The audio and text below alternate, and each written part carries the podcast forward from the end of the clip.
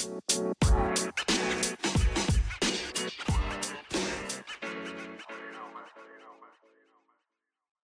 guys, welcome back to Liar, liputan anak rantau. Seperti biasa, podcast ini bakalan nemenin kalian setiap akhir bulan, tepatnya di hari Jumat jam 7 malam waktu Indonesia Barat, dan tentunya bisa kalian denger di Spotify, Google Podcast, Apple Podcast, dan beberapa platform lainnya. Selain itu, jangan lupa ya buat kasih penilaian podcast buat kita, supaya kita bisa terus menyajikan podcast terbaik tentunya untuk kalian semua. Iya, sombong deh. Oke, nah podcast hari ini akan diisi oleh saya, An-An dan teman saya Kiki. Oh ya, buat podcast bulan ini kita majuin satu minggu ya, karena minggu depan tuh pas banget hari Natal. Iya nih, nggak kerasa banget kan, minggu depan udah Natal aja. Ngomongin Christmas nih, by the way, biasanya kegiatan apa aja sih yang An-An lakuin pas Natal di Tiongkok? Kalau aku sih sebenarnya gimana ya? kegiatan aku pas Natal di Cina itu nggak banyak sih.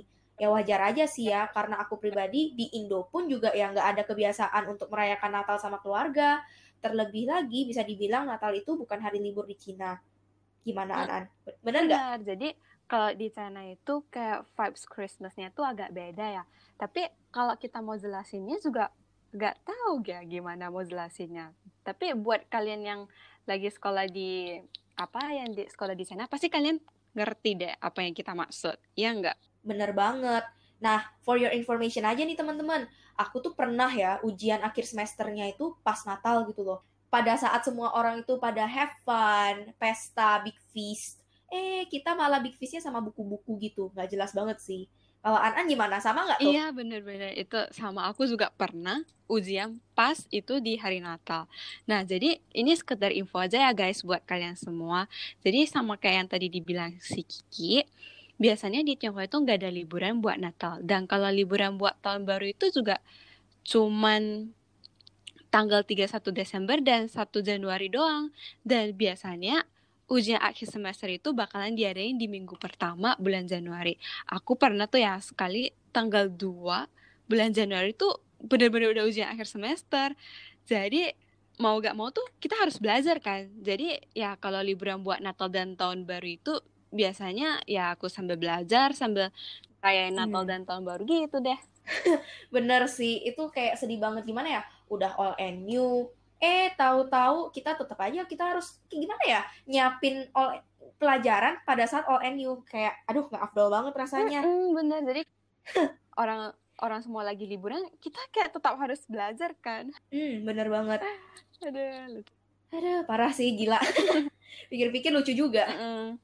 2020 udah mau selesai aja kan. Terus perasaan baru kemarin kan Januari yang kayak tadi aku bilang pelangga-pelangga udah Desember. Nah, selama di tahun 2020 ini An-An ngapain aja? Em, nah, kalau aku meskipun masih di Indo ya, tapi pelajaran sekolahnya kan masih tetap jalan nih. Jadi selama 2020 ini, meskipun eh, tetap harus stay at home, gak bisa ke mana-mana, tapi ya aku tet- juga tetap harus masuk sekolah. Cuman bedanya tahun ini sekolahnya semua sistem daring, jadi sistem online gitu deh. Iya bener banget sih. Kayak semua orang di seluruh penjuru dunia semua pada online, termasuk aku.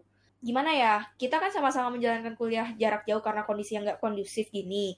Terus karena kondisi yang nggak kondusif ini juga, kayak banyak banget gitu kan hal yang aku sendiri kayak sebenarnya mau kerjain, tapi ya nggak kesampaian juga. Aku rasa An-An mungkin juga menghadapi situasi yang sama juga ya. Mm-mm, bener deh. Ada yang kayak, aduh, rencananya sih mau gini, tapi gak kesampaian deh. Hmm, bener banget. Itu dah aku juga kayak gitu. Cuma ya keren juga sih ya dari tahun ini tuh gimana ya?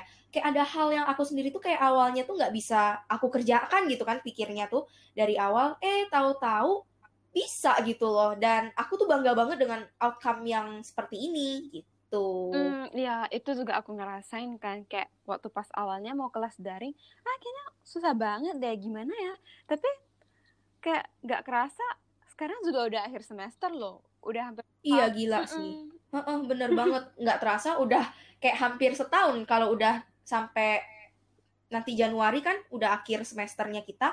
Gila sih, udah satu tahun. Nah, jadi selama ngejalanin tahun 2020 ini dari Kiki ada nggak sih cerita yang berkesan atau ada nggak sih cerita yang bisa di-sharing di podcast kita kali ini? Um, cerita yang berkesan ya, kalau dipikir-pikir sih kayaknya nggak terlalu ada ya, tapi mungkin dengan aku yang sempat balik dari Cina pas bulan Januari, dan waktu itu kan Indonesia masih belum terpapar COVID ya, dan pas beritanya masuk kalau COVID ada di Cina itu kayak ya nggak nyangka aja gitu, aku terharu juga sama teman-temanku yang dari Indo yang masih care gitu sama aku, dan kayak tanyain aku gitu loh kondisi aku tuh bagaimana setelah pulang dari Cina. Sama di tahun ini juga, aku berterima kasih juga sih ke PPT Shaman karena udah kasih aku kesempatan untuk menjadi bagian dari organisasi. Dan jujur aja, ini tuh pengalaman pertama aku dalam berorganisasi dan pastinya aku dapetin banyak banget ilmu. Kalau dari aku, yang paling berkesan juga kayaknya nggak ada ya. Tapi ada pelajaran yang bisa aku ambil dari kejadian di tahun ini. Jadi uh, setelah kejadian di tahun ini aku jadi belajar untuk lebih menghargai waktu aku bersama orang terdekat atau keluargaku. Karena dari kejadian ini aku jadi sadar apa yang bakalan terjadi ke depan tuh beneran nggak bisa kita prediksi ya nggak? Hmm, bener banget, bener banget.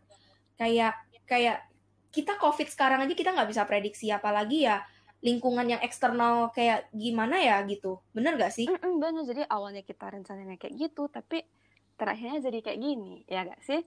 Nah, jadi kayak uh, mungkin aku dan ada teman-teman lainnya yang harusnya kan kita ini lagi di Tiongkok ya. Kita ini kan harusnya lagi sekolah.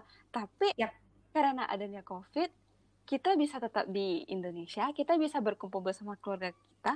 Tapi di saat yang bersamaan kita juga bisa tetap sekolah. Jadi pelajaran kita nggak tertinggal. Tapi at the same time kita bareng keluarga. Jadi tuh kayak iya. hmm, enak banget kan rasanya kayak uh, kayak ini pengalaman yang nggak bisa didapatin sebelumnya kayak ini benar-benar kayak the best lah gitu ada sisi bener hmm, ada positifnya juga tapi ada juga teman-teman kita yang malah jadi harus terpisah deh dengan keluarga mereka karena kejadian COVID-19 ini. Iya, benar banget sih. Aku juga setuju banget dengan apa yang barusan Anan bilang. Banyak sekali di sisi lain seperti dokter dan tenaga medis lainnya yang ternyata tuh tidak bisa dekat-dekat dengan keluarganya karena mereka harus menjaga orang-orang yang terpapar dari COVID ini di rumah sakit. Iya, benar-benar. Jadi, nah, jadi dari tahun 2020 ini, ya kalau buat aku pelajaran yang terbesar tuh ya kita harus belajar untuk life in the present atau bisa dibilang life in the moment. Jadi, yep. regret about the past or worry about the future. Karena no amount of regretting can change the past, dan no amount of worrying can change the future. Jadi kalau kamu merasa menyesal karena masa lalu atau kamu terlalu khawatir karena masa depan itu sebenarnya nggak ada gunanya. Kamu nggak bisa buat apa-apa. Kamu nggak bisa ganti masa lalu. Kamu juga nggak bisa kayak prediksi dengan tepat apa yang bakalan terjadi kan di masa depan. Aku setuju banget sih. Soalnya ya rugi juga kita mikirin masa lalu yang udah lewat. Dan mungkin ya namanya juga manusia kan ya nggak sempurna lah ya jadi pasti ada aja yang salah.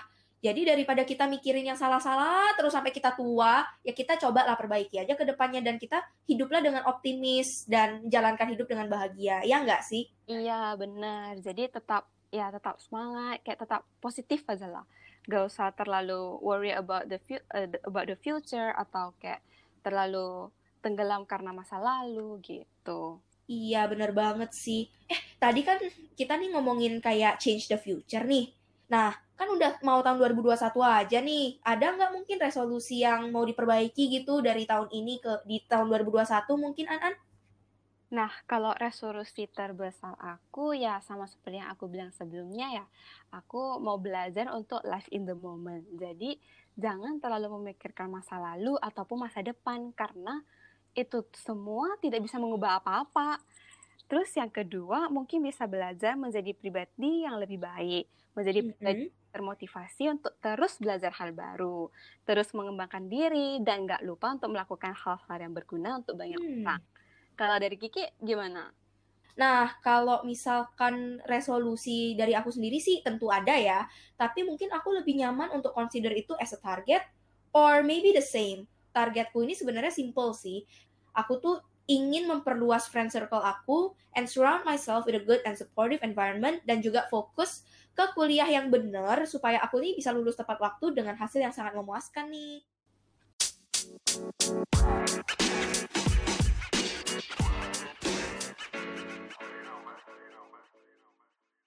Eh, gak kerasa guys, gitu-gitu kita udah ngobrol belasan menit. Iya, bener banget sih. Belasan menit itu ya kalau kita bawa dibawa untuk nunggu orang. Aduh, rasanya lamanya luar biasa. Tapi kalau udah ngobrol cepet banget, gila sih. Aku juga nggak nyangka bisa kayak gitu. Iya, ini beneran kayak gak kerasa kayak baru mulai aja ya. Nah, Hmm, kita ada dapat curhatan juga ya dari anak rantau lainnya. Oke, here's the thing. Halo, aku Stephanie Ayu. Selama merantau ke Xiamen, otomatis apa-apa ya harus diatur sendiri. Semisal mau makan apa dari pagi sampai malam, atau mau ngelakuin kegiatan apa aja, ya pasti ya diri sendiri gitu yang milih. Nah, bahkan nggak jarang malah ada hal-hal yang penting, kayak gimana ya, bisa kelewat karena distract, ke distract sama hal-hal yang sebetulnya nggak penting-penting banget. Which, kalau menurut aku nih ya, ya itu juga masalah aku juga sih, dan aku yakin semua orang juga begitu. Iya nggak sih? Mm-mm, jadi kayak apalagi pas kita jadi anak rantau ya itu semua-semua harus kita ngatur sendiri. Jadi kadang-kadang gara-gara hal-hal yang kecil kita jadi lupa yang benar-benar penting. Hmm, bener banget sih. Nah, lanjut lagi dia ngomong, lalu akhir-akhir ini aku tuh dipertemukan gitu sama orang-orang yang benar-benar menghargai waktu yang dia punya. Nah, mereka semua tuh sibuk, tapi entah gimana mereka tuh selalu bisa gitu loh nyusun waktu yang baik.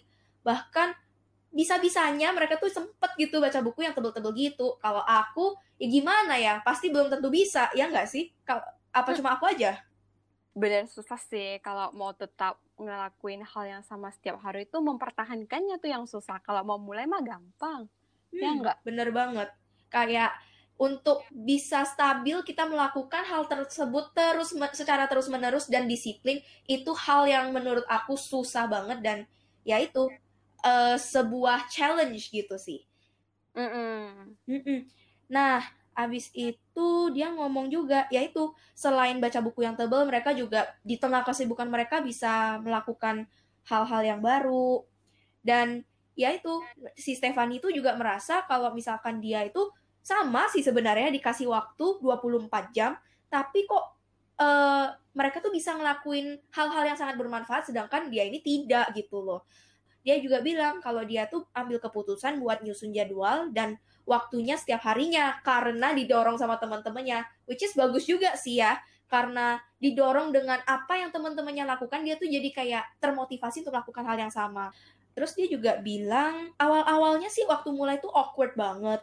Ngapain gitu kan rasanya nulis jadwal apa emangnya bikin fleksibel gitu? Gak bisa ya gitu ya hidup ya kan udah bukan zamannya lagi kayak sekolah. Tapi kalau nggak kayak gitu ya gimana caranya bagi waktu? Dari situ juga dia juga bisa benar-benar bagi waktu menghargai apa yang sedang dia lakuin.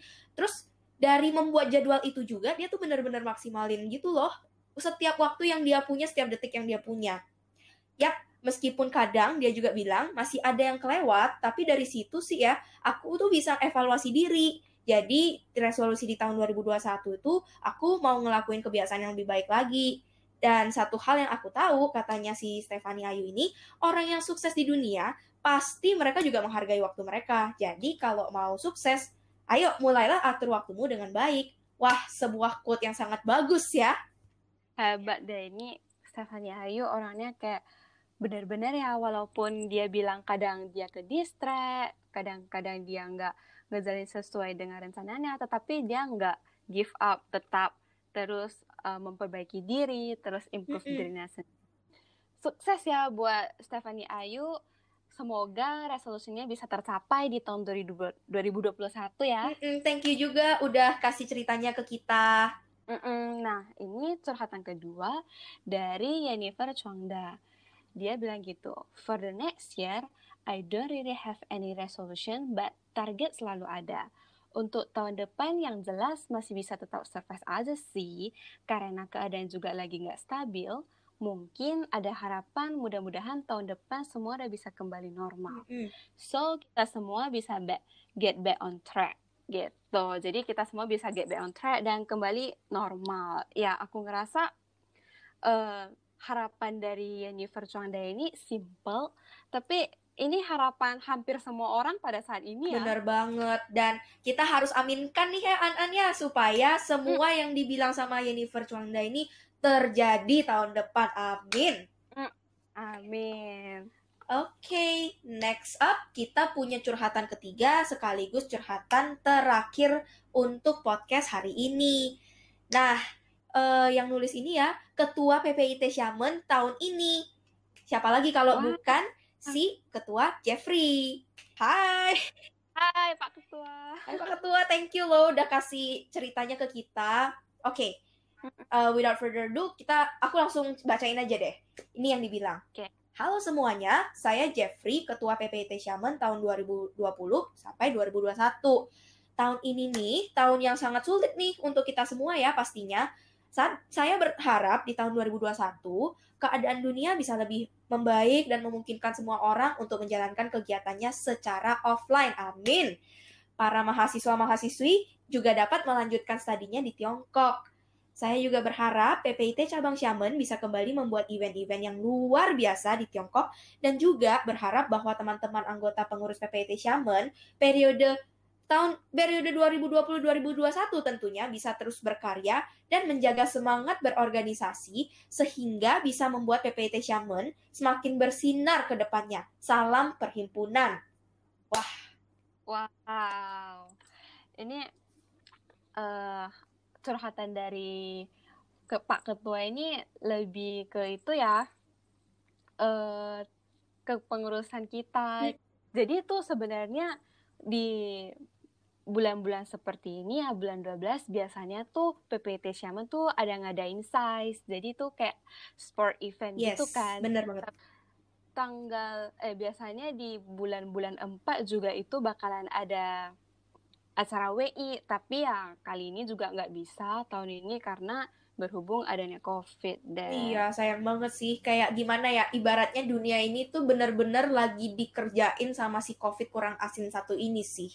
Itu menyebalkan banget, ya nggak sih? benar-benar jadi kayak bukan cuman itu sih eh kita kita ini aja pun pada belum pernah ketemu ya aku sama Kiki aja belum pernah ketemu langsung Iya loh, astaga bener-bener. Padahal masa bakti kita nih udah jalan setengah tahun nggak sih? Nggak terasa banget, gila. Terus kayak apa kita tuh nggak pernah ketemu secara langsung, boro-boro. Kita tuh cuma telepon aja gitu. Terus ya rapat-rapatnya secara online gitu. Tapi ajaibnya we nailed it gitu loh. Kita tuh bagus gitu loh kerjanya oke lah gitu. Iya, benar masih tetap bisa produktif ya, Mm-mm. masih bisa sesuai eh, harapan kita Benar lah banget. ya. Iya, Kita berharap semoga ya di tahun 2021 semuanya bisa kembali normal, kita semua bisa kembali menjalankan tugas kita seperti biasa, ya PPIT Xiamen juga bisa mengadain event-event yang luar biasa dan eh, semua anggota-anggota PPIT Xiamen bisa bertemu ya secara offline. amin. Pasti bisa. Dari cerita kita semua tadi, dari aku, dari Kiki, dan dari tiga an- anak rantau lainnya, kita bisa simpulin, pertama, tetaplah produktif. Walaupun dengan kondisi seperti ini, kita tetap harus produktif. Jangan cari alasan untuk jadi tidak produktif ya. Jangan nyalain keadaan. Jadi seperti yang tadi diceritain, awalnya dia juga ngerasa kayak nggak mungkin dia bisa ngerjain ini kerjain ini, kerjain itu. Tapi pada akhirnya malah dia malah lebih kayak nggak expected bisa ngelakuin hal yang sebagus itu Iya, kan. bener banget. Kalau misalkan ya kita gimana ya, memang dari kondisi COVID ini kita ya terbatas ya eh, lingkup gerak kita. Kita nggak terlalu bisa keluar, bisa keluar pun ya protokol sana sini yang membuat kita akhirnya ya mau nggak mau juga lebih banyak diem di rumah. Tapi ya itu juga tidak bisa kita jadikan alasan juga sih untuk seperti itu. Apa untuk kayak ya udah nggak produktif. Anyways, aku juga mau ngomong nih poin kedua. Jadi poin kedua, seperti yang tadi dibilang, lebih bisa mengatur dan menghargai waktu. Kayak yang tadi aku bilang, meskipun kita tuh terkukung dalam satu ruangan, tapi kita juga tetap harus apa ya, melakukan ya hal yang bisa bikin kita produktif, yang bisa menghasilkan sebuah karya, karena waktu kita tuh tetap berjalan meskipun ada atau tidaknya pandemi ini, seperti yang dikatakan sama Stephanie Ayu tadi. Jadi orang sukses tuh bisa sukses karena mereka tuh menghargai dan pandai mengatur waktu. Itu sih. karena kita semua tahu ya waktu itu nggak bisa dibalik dan kita suka nggak bisa beli waktu loh mau kamu sekaya apa uangmu sebanyak apa nggak mungkin kamu bisa beli waktu jadi hargailah waktumu baik-baik dan aturlah Hmm, sebaik benar mungkin sekali. Oke untuk yang terakhir eh, kita berharap di tahun 2021 ya semuanya bisa kembali normal ya kita bisa back on track seperti apa yang tadi diharapkan Jennifer dan semoga tahun depan PPT Xiamen bisa ngadain event-event yang luar biasa secara offline dan pastinya kita juga berharap semua anggota PPT Xiamen bisa ber- bertemu secara Iya, offline ya. amin. Pasti bisa terjadi. Aku rasa tahun depan udah kondusif kok kan vaksinnya udah keluar. Mm-mm. Harusnya bisa kita harus tetap optimis Iya, ya. benar banget.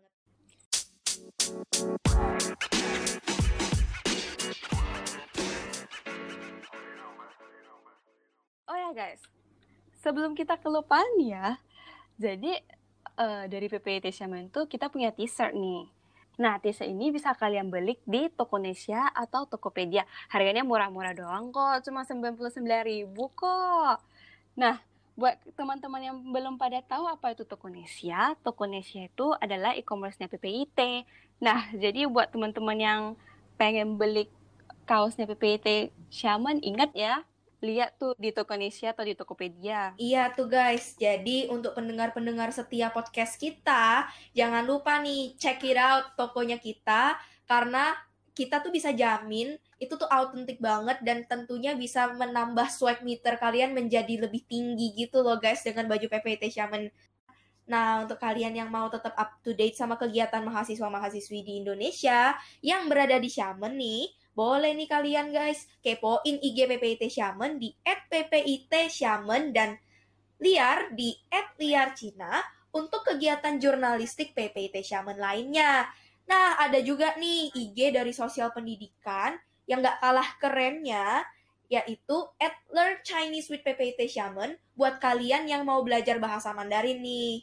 Lumayan kan belajarnya gratis gitu guys. Bener nih. Jadi buat kalian-kalian yang pengen belajar bahasa Mandarin tuh boleh tuh pantengin terus eh, IG-nya Sosial Pendidikan PPT Xiamen at Learning Chinese with PPT Xiamen ya guys. Ingat tuh. Ya jangan lupa ya guys, dicatat sekalian tuh guys biar nggak lupa.